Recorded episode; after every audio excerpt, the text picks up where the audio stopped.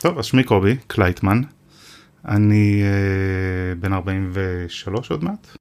אני מתעסק אה, בכתיבה על אה, יין, אוכל, אה, בשנים האחרונות גם במחקר אה, בתחום התעשייה הקרמית. זהו, יש לי בן זוג, אני גר ברמת גן, אנחנו 20 שנה ביחד עוד מעט. 20 שנה. 20 שנה, כן.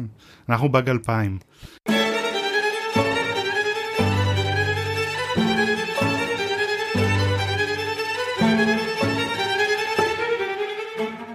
תראה, אני, קודם כל זה תענוג גדול לבוא ולשוחח איתך, וזה גם בא ממקום קטן של uh, קנאה. כי אחד הדברים שאני חייב לעשות זה לטייל בעולם, לשתות יין או סוגים שונים של אלכוהול במקומות שונים, וליהנות מזה ולדבר על זה. אבל אף אחד לא מקשיב לי. ואצלך זה הפך להיות סוג של uh, מקצוע. אז אולי uh, תספר גם מה זה אומר לכתוב על יין. קודם כל, להעביר את החוויה שלי החוצה אה, בצורה הנגישה ביותר שאני לפחות יודע. אני אסף מעוז, ואתם מאזינים לזה קלאסי. היום בפרק ננסה להבין האם יש קשר בין מוזיקה ויין. אה, לכתוב על יין, ב... מבחינתי, המשמעות הגדולה ביותר היא להנגיש את היין. זאת אומרת, לקהל כמה שיותר רחב. אה, זה לנסות ולהשתמש בכמה שפחות ביטויים שקצת קשים לאוזן, ולמרות שאני שונא את הביטוי, אבל מכנים אותם פלצנים. אה, למרות שזו הדרך היחידה שלנו, הדרך האסוציאטיבית, לתאר את מה שאנחנו שותים ומריחים. אני בא מעולם המוזיקה, המוזיקה הקלאסית, והעולם שלי והעולם שלך הם לפעמים, אתה קראת לזה פלצני, יש כאלה שיקראו לזה אליטיסטי, או אה, מתנשא, לא יודע מה. ולפעמים העולם תוכן שלנו יכול להיות העיקר, יכול להיות המנה העיקרית, אתה תבוא לשמוע קונצרט, כי בא לך לשמוע קונצרט, או תלך למסעדה כדי, או לחנות יין כדי לעשות ערב טעימות, ולפעמים אנחנו נהיה ברקע. אני, אתה, אני אחזיק כוס שמפניה כדי ליהנות מ-small talk עם מישהו, או שיהיה לי איזה מוזיקה מתנגנת של מלחין כלשהו ברקע באיזה מעלית. מה דעתך על זה? זה אנחנו... יש לנו זכות קיום במרכז? יש לנו זכות קיום בוודאי, אבל אה, יש כל מיני תהליכים טבעיים שקורים. זאת אומרת, זה נכון שגם עולם המוזיקה הקלאסית וגם עולם היין נחשבים בהרבה מקומות אליטיסטים ואולי אפילו מפחידים.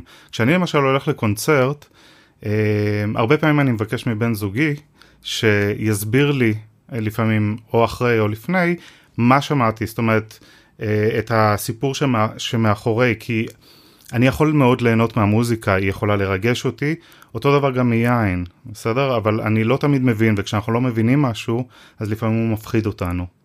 מאותו רגע שאנשים התחילו לטייל בצורה מסיבית מאוד בעולם, לראות שלשבת במסעדה זה גם ללוות ארוחה עם יין, וחזרו לארץ, הם פתאום רצו את הדברים משם. האם אתה מרגיש שאנשים אוהבים לשתות יין ישראלי? תראה, בישראל אה, זו בעיה להגיד שלא, כי אה, מרבית היינות שמיוצרים בארץ הם יינות כשרים. כי רוב האוכלוסייה צורכת יין כשר. כי רוב האוכלוסייה, לצערי, צורכת יין במועדי ישראל, בעיקר בפסח ראש השנה. שבועות התחיל אה, להיות פופולרי בתחום היין הלבן. כן, יין כשר זה הרוב בסופו של דבר, והיקבים המסחריים, כמו יקבי רמת הגולן, יקבי ברקן, אה, טפרברג, אה, שהוא הפך ליקב מאוד גדול, הם כולם יקבים שעושים יין כשר. אה, כי אחרת הם לא, הם לא יוכלו למכור את הכמויות האלו של היין שהם עושים. אה, המצחיק הוא שיש היום יקבים גם בחו"ל שמוכשרים. זאת אומרת, יש יקבים באיטליה ובספרד ובצרפת שמייצרים ליין כשר. כי היין הכשר נצרך גם בציבורים יהודיים בארצות הברית ובבלגיה ובצרפת. יין ישראלי הוא בעצם כל דבר, זאת אומרת הוא לא בהכרח כשר או לא, כן? אה, והכשרות גם לא עושה אותו פחות או יותר טוב, היום בטכנולוגיות שקיימות, אה, יינות כשרים הם יכולים להיות אה, העילית של היינות, מה שפעם בעבר הרחוק הם לא היו, כי הם עברו כל מיני תהליכים כימיים שקצת הרסו אותם בדרך. אתה מספר על, ה... על העניין הזה שאנשים צורכים יין בחגים, באירופה, אנשים צורכים מוזיקה בחגים.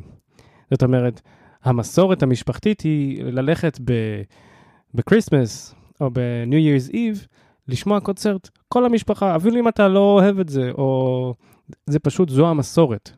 ואני חושב שההבדל הוא שפשוט מדובר במדינות עם הרבה אנשים, ולכן המוזיקה מצליחה אולי כן לשרוד שם יותר, כי בעצם זה חלק מהחינוך.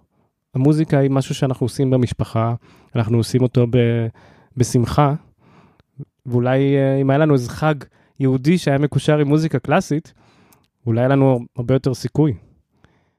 דיברת קודם על, על זה שאתה שואל את בן זוגך, מה שמעתי או מה אני הולך לשמוע. הרבה פעמים אני מרגיש שאנשים צריכים סיפור. הם צריכים סיפור כשהם מאזינים למוזיקה, או אחרי שהם שמעו אותה. הם רוצים אישור שמה שהם שמעו זה נכון, שהם הבינו נכון את המוזיקה. הרבה פעמים אני מרגיש כמו איזה מוכר, או איזה משווק של העולם שלי, שאני צריך לספר לאנשים, היום שמעתם את הסימפוניה הפנטסטית של ברליוז, שהוא כתב אותה על, על uh, עדי אבסינט וכל מיני סמי הזיה שהוא שתה תוך כדי שהוא כתב אותה, ולכן היא נשמעת כך. אבל יש יצירות שאין להם סיפור. סימפוניה של ברמס, כלשהי. אין להם סיפור, הוא פשוט כתב ושפך את ליבו תווים על גבי נייר. אתה מרגיש לי גם לפעמים כמו משווק מורשה של, של יין, אתה צריך לספר לאנשים, אה, היין הזה הגיע כך וכך לבקבוק ולשולחן שלך? תשמע, יש מגוון עצום של יין בעולם, גם בארץ, אה, ובסוף מה שמוכר זה סיפור. זאת אומרת, יקב עם סיפור טוב, יינן עם סיפור טוב, אה, יכולים למכור יותר יין מאחרים. זה לא תמיד התלות במחיר, זה לא תמיד תלות בתווית, למרות שהתווית מוכרת לא פחות, אבל אם יש לך סיפור, אז, אז יש איזושהי מחשבה אולי שמלווה אותך כשאתה שותה יין. עכשיו, ש... שלא יובן לא נכון, אה, מבחינתי יין צריך להיות חלק אה, מאוד אה, ברור מאליו, אוקיי? מהתרבות שלנו, זה ייקח עוד הרבה זמן, אבל כזה שבסוף למי שקונה את היין בסופר או בחנות יין, בסוף הוא צריך להיות טעים. זה לא משנה אה, מי עשה אותו וכמה השקיעו, אותו, כמה השקיעו בו, בסוף הוא צריך להיות לך טעים, ואם הוא לא יהיה לך טעים, אז גם הסיפור לא יעזור ושום דבר אחר. הסיפור הזה, הדיבור של בן אדם אחר על איזשהו מוצר, נקרא לזה מוצר, אם זה, בין אם זה מוזיקה או בין אם זה יין או, או מנה מסוימת, אה, מגרה אותך באיזושהי רמה, ואתה רוצה לנסות את זה, ולהרגיש את זה, ולראות האם אתה חווה את אותה חוויה. ובגלל זה השיח, גם שאתה אומר, ניגשים אליך אחרי, לפעמים לדעתי זה פשוט בשביל לנסות ולפתח שיח על מה שאותו אדם שמע, כמו בדיוק על יין, אתה יודע, לפעמים יש צורך לדבר על יין. עכשיו, אתה לא יכול להגיד משהו אה, אידיוטי או לא נכון, אין כזה דבר לא נכון. בהחלט, אז, אז בעצם אנחנו, אנחנו עוסקים אולי במשהו שהוא הוא, הוא חושי, אבל החוויה היא לא מוחשית. זאת נכון. אומרת, אה, אצלי בוודאי אין, אין איזשהו משהו מוחשי שאתה יכול אה, לגעת בו, אולי בעולם של היין, אתה שותה משהו, הוא מוחשי, אבל, אה, אבל אותה חוויה נעלמת מיד אחרי השלוק אותו, שת, אותו שתית. אבל אם אתה בתוך חוויה אה, גדולה, אתה גם תזכור אותו. לצורך העניין, אם שתית את אותו היין באירוע מסוים, אז יכול להיות שאתה תזכור... את היין, יכול להיות שאתה תזכור רק את האירוע, בסדר? אבל אתה תזכור ששתית כנראה משהו טעים, אה, כי מה שליווה אותו זה משהו מאוד אה, חיובי.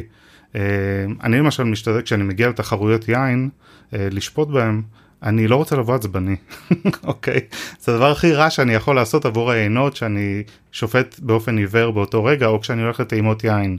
Uh, אני ממש ממש משתדל לבוא הכי רגוע והכי אה, בכיף, כי הכל משפיע. גם אם אדם יגיע לקונצרט אה, והוא יגיע במצב רוח לא, לא טוב, אז הוא יהיה פחות סבלני, נכון? והוא כנראה גם יעצבן אתכם וידליק את הטלפון, ויעשה לכם עם האור וכל מיני, ויש פה חוויה שהיא מעבר, והיא באמת חוויה רב-חושית.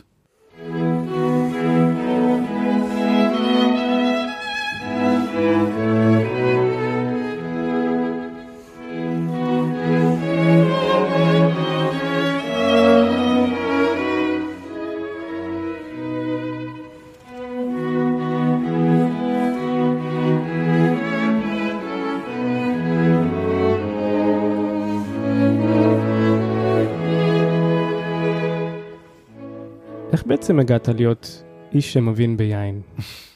אני אוהב לשתות יין, אני לא יכול להגיד שאני מבין גדול, זאת אומרת, אני רוצה לחשוב על עצמי כזה, אבל אני בטח לא ברמתך. איך מגיעים לזה? אני אגלה לך סוד, אני לא מבין גדול ביין. יש הרבה מאוד אנשים שמבינים הרבה יותר ממני, יש הרבה מאוד אנשים שמבינים גם פחות ממני. ב-2004 עבדתי כסטודנט בקונדיטוריה, עבדתי לילות מאוד מאוד ארוכים, עם קונדיטורית מדהימה, ועבדתי במשך שנתיים שם כמעט. והדקדקנות שלה באוכל, זאת אומרת, תמיד אהבתי לבשל ולהיות במטבח, אבל משהו בדקדקנות שלה, בזה שהיא הייתה מסוגלת להעיף מגש שלם של בראוניס, כי הקריספיות לא יצאה בדיוק למעלה כמו שהיא רוצה, אה, אה, מאוד אתגרה אותי, והתחלתי לדקדק גם אני, ולחפש ולעשות השוואות בין מוצרים שאנחנו עשינו לאחרים, זאת אומרת, ולהיות ביקורתי יותר. אני אוהב לאכול במסעדות, למרות שהקורונה הרסה לי את הכיף הזה. אבל אמ, ואיכשהו דווקא בן זוגי, עמי, דווקא הוא הציע לי לפתוח איזשהו בלוג. וככה התחלתי לכתוב על אוכל, דווקא חיפשתי אנקדוטות על האוכל, קצת על ההיסטוריה של האוכל, כי אמרתי זה נורא חסר, אנחנו אוכלים ואנחנו לא באמת, לא הרבה, הרבה פעמים לא יודעים להגיד מאיפה זה בא, או איך זה היה אמור להיעשות, או מה הוסיפו פה. אפילו אין איזושהי נקודת זמן מסוימת, אבל באיזשהו שלב הבנתי שאני לא יכול לאכול בלי לשתות יין. זאת אומרת, אלו דברים מאוד משלימים. אה, שאמורים גם להחמיא אחד לשני ולעשות איזושהי אמפליפיקציה של טעמים וריחות אחד לשני. ואז התחלתי להתעניין ולקרוא ולטעום. ואז כבר כתבתי אה, בוואלה אוכל, ו... והתחלתי להתעניין עוד ועוד ועוד ביין. שלחתי כתבות של אלישע ענבים, ומאז אני כותב שם אגב. וזה פשוט המון המון המון טעימות, המון המון המון קריאה, המון המון שיחות עם אנשים שמבינים הרבה יותר טוב ממני, אם זה עניינים, אם זה עיתונאים ותיקים, אם זה אנשי יין מכל סוג שהוא. כמו שאתה מתאמן על הכלי שבו אתה מנגן, אני מאמן את הלשון שלי, את האף שלי, את החושים שלי להתחדד ולהתמקד במה שאני מחפש או במה שהיין הזה נותן לי, או האוכל לצורך העניין. וכישרון הכתיבה תמיד היה אצלך בחיים? כנראה, אני לא יודע, אתה אומר. אה, אומרים שאני כותב טוב, אני מקווה שלא משלים אותי, אבל אני כותב כבר הרבה שנים. אה, וזה מאוד כיף לי, זה קשה לי מאוד. זאת אומרת, יש, אה, יש עיתונאי אחד שאני לא אזכיר את שמו, עיתונאי יין, שאני נורא מקנא בו. אנחנו נמצאים באותה טעימת יין, שעה אחרי זה יש לו כבר את הכתבה כתובה. ואני עוד יושב עליה שלושה ימים ואני חושב ואיך אני אכתוב את זה ובאיזה מילה להשתמש ולמה ככה ול... וזה מאבק כזה פנימי אבל בסוף כשיש לי תוצאה ביד אז uh, זה כיף אדיר. אז אתה בעצם אה, איש רב תחומי, או יש לך נגיעה בהרבה דברים. אתה חושב שיש איזשהו תחום שהוא החוזקה שלך, שבו אתה באמת אה, הכי מצטיין, או שבעצם כל התחומים משליכים אחד על השני ובסוף נוצר אותו תוצר מופלא של כתיבה והמלצה של משהו שהרבה אנשים רוצים לקרוא. אני צריך להעיד על עצמי, זה, זה מאוד לא צנוע. אז אני אעיד עליך שהכתיבה שלך היא נהדרת, וכל פעם שאתה מפרסם איזשהו אה, מאמר, אני קורא אותו בשקיקה ואפילו קצת מקנא, שאו שנסעת לאותו מקום באיטליה או במקום אחר לשתות את היין הזה, או שאני אומר לעצמי, אם תרשום לעצמך איזה פתק בטלפון כדי להזמין את היין הזה בפעם הבאה בחנות. אתה תמיד יכול לארוז אותי באיזה מזוודה של איזה קונטרבאס ריק או משהו, אני אבוא איתך בשמחה.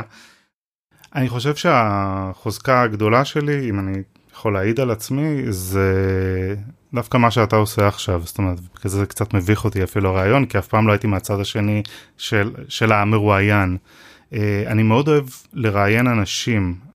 יצא לי לפגוש אה, אנשים אה, נפלאים במסגרת פינת המשפיעים שאני עושה באיש הענבים, וזה בעצם לקחת אנשים עם איזושהי השפעה ארוכת טווח על תחום היין. ולראיין אותם.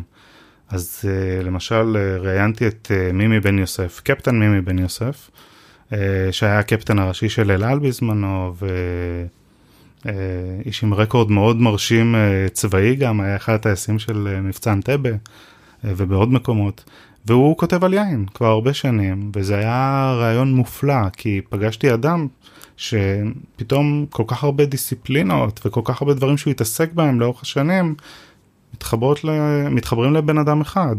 אה, כשאני בחו"ל אני תמיד מנסה לתאם איזה שהם מפגשים אה, בתחום היין כחלק מהעבודה, וזה פשוט מרתק. מרתק, מרתק, מרתק לפגוש אנשים בארץ ובעולם שעושים את הדבר המדהים הזה שבשבילם הוא היום-יום, אבל כשאתה מגיע מבחוץ, זה נראה כמו משהו קסום. ממש קסום. אה, הם עובדים נורא קשה, אבל בסוף יוצא יין, ויש מאחורי היין הזה בן אדם, יש יינן, יש יקב עם סיפור מסוים, וזה מדליק.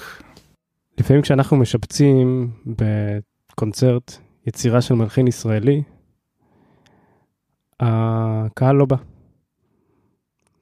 אה, זאת יצירה ישראלית, זה בטח קקפוניה, זה לא נשמע טוב, זה ארוך מדי, זה לא, זה לא מעניין. ובעצם נוצר מצב שאנחנו, הנגנים, המוזיקאים, רוצים לעודד את היצירה ואת הפעילות של המלחינים הישראלים, ומצד שני, אם אין קהל, אז uh, למי ננגן את אותה יצירה מבורכת?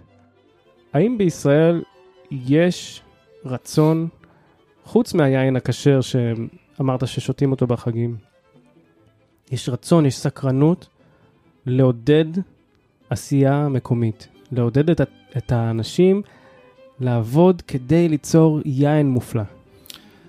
קודם כל כן, יש סקרנות שהולכת וגוברת כבר לא מעט שנים, אה, אבל אני אכתב, אה, אם לא אומר, שכמו במוזיקה קלאסית, גם ביין הפנים תמיד לחו"ל, זאת אומרת, אזורי היין הגדולים, לטעום יינות מבורדו, לטעום יינות משמפיין, לטעום יינות אה, מפורסמים מאוסטרליה או מאיטליה ומכל מקום אחר.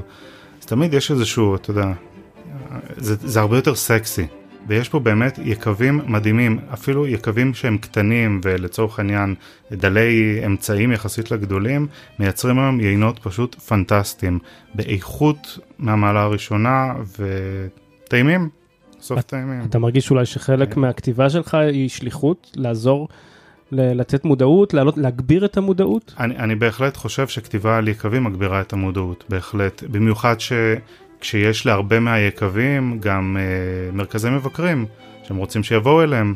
הרבה פעמים דווקא ביקבים הקטנים, ביקבי בוטיק, יקבי גראז', מה שנקרא, ממש הקטנים, העינן פשוט יושב איתך, העינן מתאים לך את היינות. וזו חוויה אחרת, זה משהו שלמשל לא תזכה בו כשתבוא ליקב כרמל, בסדר? יש שם מרכז מבקרים, יש שם אנשים נפלאים שידריכו אותך, אבל אתה לא תזכה למשל לשבת עם העינן או עם אשתו ולשבת ולקשקש על וואלה, איך הקמתם את היקב, מה עשיתם? בעצם מה שאני עושה רק כשיחת חולין. וכן, לכתוב על המקומות האלו זה משהו שפשוט מגביר את המודעות אליהם.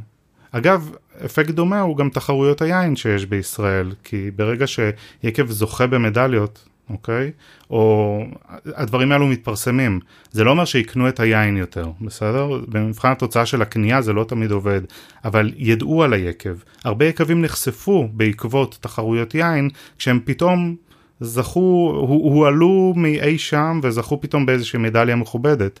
אז uh, החשיפות האלה, כמו תחרויות, כמו כתיבה על יקבים, כמו כתיבה על סיפור היקבים ורעיונות שיש, הם בהחלט uh, משהו שגורם לתחום להתפתח. בעולם המוזיקה יש המון ביקורת על תחרויות מוזיקה. איך אתה מודד מי הכנר או הפסנתרן הכי טוב? מה, הוא ניגן מהר יותר, הוא ניגן לאט יותר? מה הערך המוזיקלי של תחרויות מוזיקה?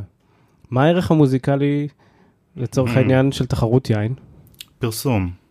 זאת אומרת, כאן אין, אה, אתה יודע, אף אחד עכשיו לא יתקבל לעשרת היקבים הגדולים אה, בעולם. אבל בהחלט יש כאן עניין פרסומי.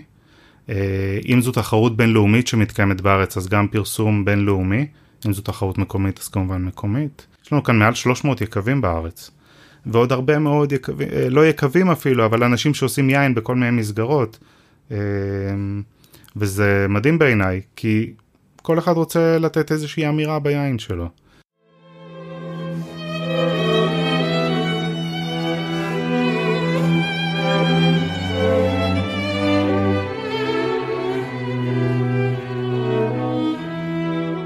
תמיד שואלים אותי, מה זה הקופסה הזאת על הגב שלך? ואז אני אומר, זה קינו. השאלה הבאה היא, סטרדיווריוס? עכשיו, הלוואי והייתי יכול להגיד כן. לצערי, אין לי כמה מיליוני דולרים פנויים. אבל יש איזשהו ייחוס לזה שהמותג הזה, סטרדיווריוס, הוא בעל שם עולמי והוא נחשב לכינור הכי טוב. והוא מוצר מאוד ותיק. סטרדיווריוס בנה כלים לפני 400 שנה, 350 שנה. ככל שהכינור יותר עתיק ויותר ותיק, הוא נחשב יותר טוב, למרות שזה לא נכון בכל המקרים. הרבה פעמים הכלים שלנו הם עתיקים והם נשמעים לא משהו. Mm-hmm. יש איזה מיתוס כזה שככל שהיין יותר ישן הוא יותר טוב. זה נכון? הוא אכן מיתוס. Uh, הרבה מהיינות נועדו לשתייה די מיידית, ואגב רוב היינות שנקנים בסופרים, שזה 95% מהיינות למשל שנקנים בארץ, uh, נשתים די מהר, נשתים תוך 24 שעות, 48 שעות. ישנם בהחלט יינות שנועדו להתיישן, כי הם באו מנתונים מסוימים של קרקע ושל מזג אוויר אה, ושל אה, אה, ערכים כימיים מסוימים כמו חומצה, והם באמת נועדו להתיישן. אגב, לא כולם מתיישנים באותה מידה טוב, אפשר לפתוח שלושה, היה ניסיון כזה לפני שנתיים. אני חושב, פתחנו באחד המקומות שלושה בקבוקים של שרתו מוטון רוטשילד 85, אם אני לא טועה. אמ, אחד היה אה, אה, מת, זאת אומרת, ממש בלתי שתי. אחד היה מדהים, התבגר, השתנה מאוד בתוך הבקבוק והיה מדהים, והשלישי גם לא היה טוב. זאת אומרת, אה, עניין של איך הם נשמרים, מי עשה אותם, מה עשה אותם, באיזה תרואר הם נעשו, אנחנו קוראים לזה תרואר, שזה גם נתוני הסביבה וגם הנתונים האנושיים בעצם מגולמים יחד. בארץ אין הרבה עינות בעלי יכולת התיישנות, אבל יש בהחלט, יצא לי לטעום עינות של עקבי רמת הגולן, של יקב הר אודם אה, למשל, אה, סתם דוגמאות שאני זוכר כרגע שהפתיעו אותי מאוד גם אחרי 20 אה, שנה. זה באמת מיתוס, זאת אומרת, כי אי אפשר להכליל אותו על כל העינות, ובטח שלא על רוב העינות. הרבה פעמים אנחנו מקשרים מוזיקה ויין, או מוזיקה ואוכל, עם זיכרון. תמיד אומרים, אני זוכר מה שאכלתי בבית של אימא, או אני זוכר שישבתי עם חברים ושתיתי את היין הזה והזה. אז רציתי לספר לך סיפור. נסעתי פעם לנגן קונצרטים בנאפה ואלי, עמק היין של ארה"ב. ניגענו באיזה יקב מאוד מפואר, שנבנה בצורה של טירה, שהאיש אה, שבנה אותה רצה להעתיק טירות איטלקיות ישנות ובנה אותם בחומרים מקור... מקוריים, ללא עזרים מודרניים. באמת היה מקום מקסים וקונצרט נהדר. לא כל כך אהבתי את היין, אני חייב להודות. בסוף הקונצרט ניגשה אליי מישהי שהייתה בקונצרט, שלא ידעתי שהיא שם, חברה ממש טובה. אמרה לי, היי אסף, מה העניינים? Uh, אני פה עם חבר שלי, ולאבא שלו יש בדיוק יום הולדת 60, אתה רוצה לבוא איתנו לאכול משהו, לשתות משהו? אמרתי, יאללה, בשמחה. הסתבר שהאבא של החבר הזה הוא בעלים של יקב אחר, והוא החליט לחגוג לעצמו יום הולדת 60 בזה שהוא הזמין את כל חבריו הטובים לארוחה של שבע מנות, כשבכל אחת מהחמש מנות הראשונות הוא הגיש אחד מהיינות של היקב שלו, ולמנה השישית, לפני הקינוח, הוא החליט לפתוח בקבוק בן 60 שנה של שאטו לפיט, שאימא שלו הבריחה מצרפת כשהיא עזבה את צרפת, ברחה מצרפת לארצות הברית.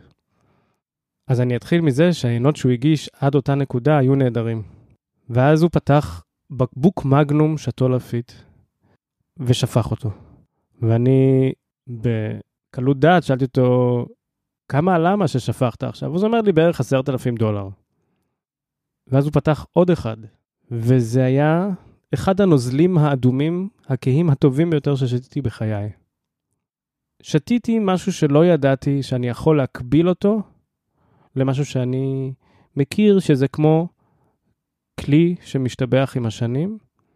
הצלחתי לטעום באותו יין שהיה כמעט אדום שחור מרוב שהוא התיישן בבקבוק, טעמים עזים מאוד, והייתה לי חוויה כזו אפילו עכשיו, 20 שנה אחרי, אני זוכר את החוויה הזו, ולא אשכח גם את הסיטואציה שנלוותה לה, וזה מאוד שימח אותי שהקונצרט בעצם הוביל אותי לאותה נקודה. אז אולי יש לך את החוויה ההפוכה. האמת היא שבאופן די עצוב, אני יכול להגיד שאני עדיין מחפש את היין שירגש אותי. אה, שירגש אותי עד כדי דמעות, אוקיי? זאת אומרת, משהו שממש יעביר בי צמרמורת. אה, שלא יובן לא נכון, שתיתי יינות מדהימים בארץ ובחו"ל, אבל עוד לא מצאתי את היין הזה שיגרום לי ממש לרטט.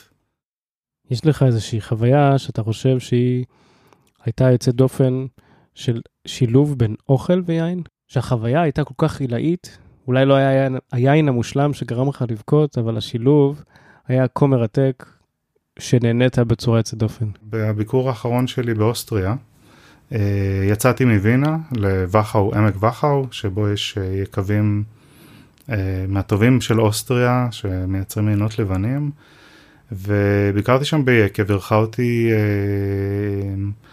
הוא שייך לזוג, כבר די מבוגרים, ואירחה אותי האישה, ופשוט מבלי לבקש אפילו, אחרי שעשינו סיור וראיינתי אותה, הציבה בפניי כמעט 30 עינות לטעימה. וואו. שזה היה מדהים.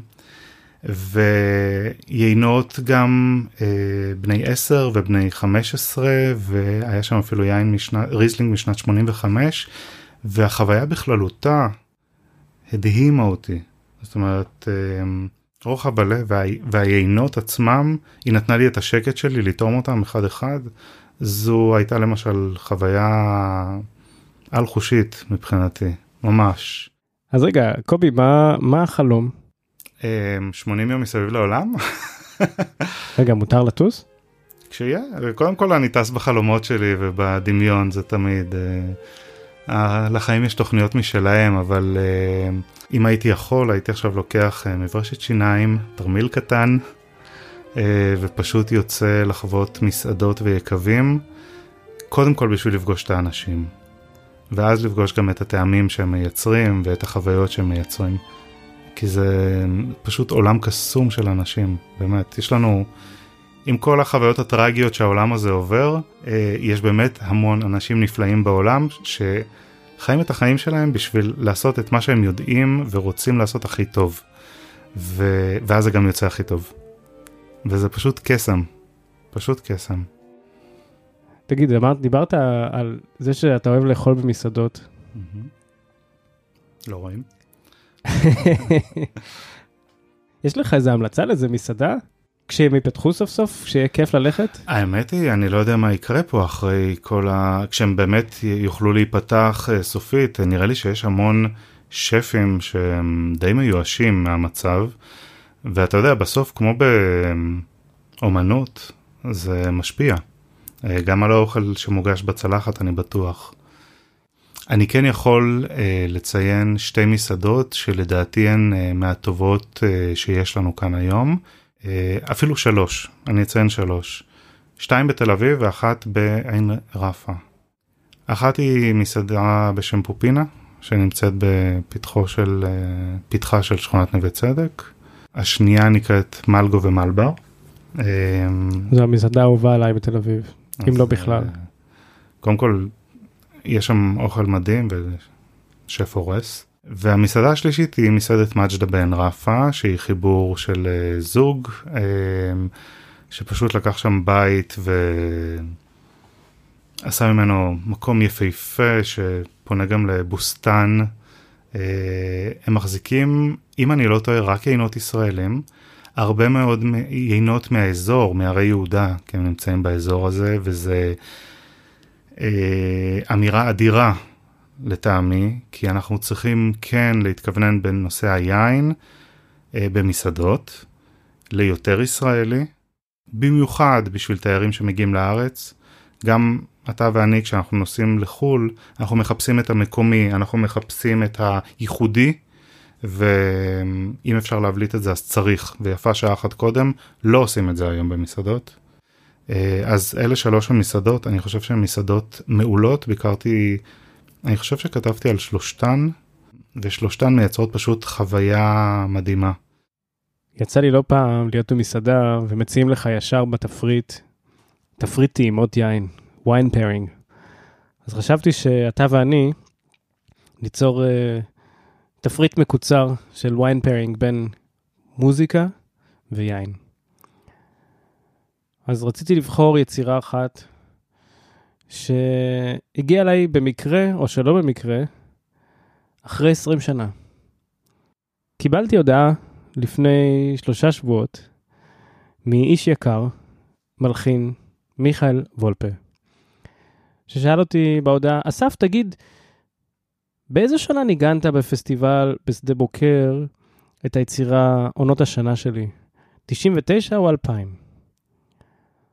לא זכרתי את התשובה, אבל שלחתי לו הודעה קולית שאומרת, אני לא זוכר את השנה, אבל את המנגינה של אחד הפרקים אני זוכר גם היום 20 שנה אחרי.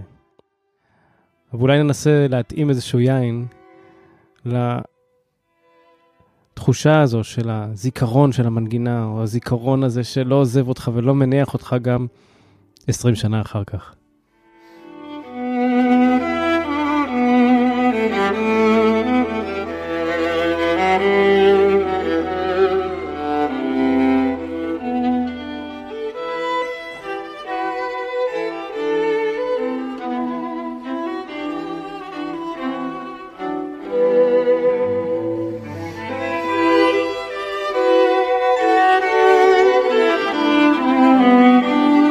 חשבתי על יקב שירן, אה, שהעניין שלו הוא אלי שירן, שהתחיל לפני מספר שנים לעסוק ביין, הוא בכלל עורך דין במקור.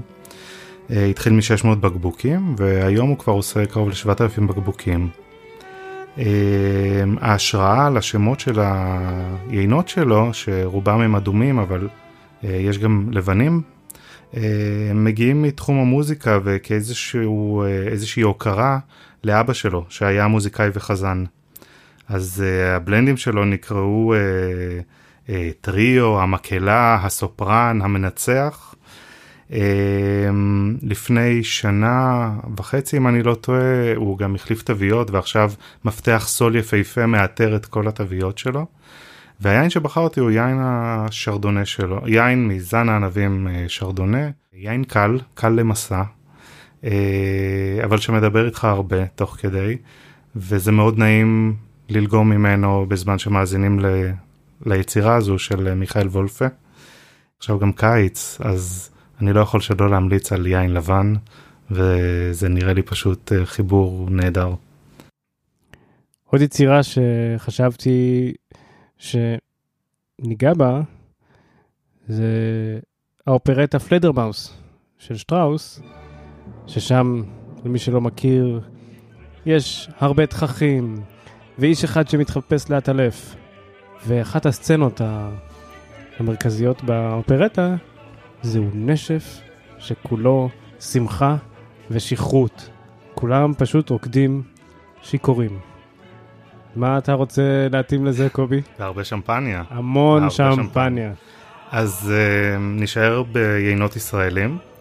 אמנם אין לנו שמפניה בישראל, אבל יש לנו יינות שנעשו לפי השיטה שנהוגה בשמפיין שבצרפת, והיין המצטיין מבחינתי הישראלי בתחום הזה הוא יין שנקרא בלאן דה בלאן, שעשוי גם הוא, כמו היין הקודם, מענבי שרדונה, של עקבי רמת הגולן.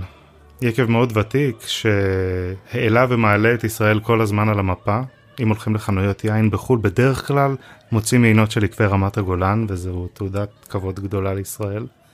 זה יין מיוחד, זה יין תוסס, יין ממש אה, שמרגיש כמו שמפניה, הוא גם, אם אני לא טועה, זכה בלא מעט פרסים בעולם כיין כזה, והוא פשוט תוסס, קופצני ומענג וחד, בדיוק כמו אותה מנגינה ששטראוס חיבר. ואין טוב ממנו ללכ... מאשר ללכת יחד עם היצירה הזו אה, יד ביד. אני כל כך מאושר, וחלק מהאושר שלי זה כי קובי פינק אותנו בכוסיות של בלאן דה בלאן. אני ממליץ בתור אחד שהוא איננו אה, מומחה יין, תטעמו את זה, זה ממש טעים. קובי, המון תודה שאירחת אותי פה והתארחת בפודקאסט. אני מקווה שאתה תמשיך לבוא לקונצרטים ואני אמשיך לבוא למסעדות ולטעום יינות שאתה ממליץ עליהן. בהחלט. תודה רבה לך שהערכת אותי כאן, ולחיים. חיים.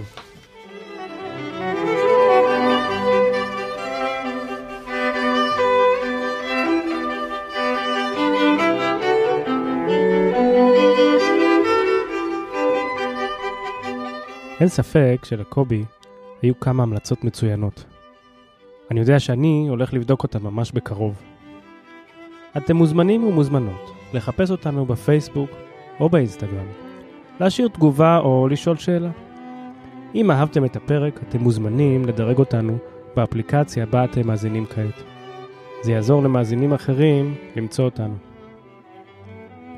תודה רבה למיכאל וולפה על ההקלטה של יצירתו עונות השנה, וכמובן לנגנים הנהדרים שמנגנים איתי בהקלטה, צבי כרמלי וגלעד קפלנסקי.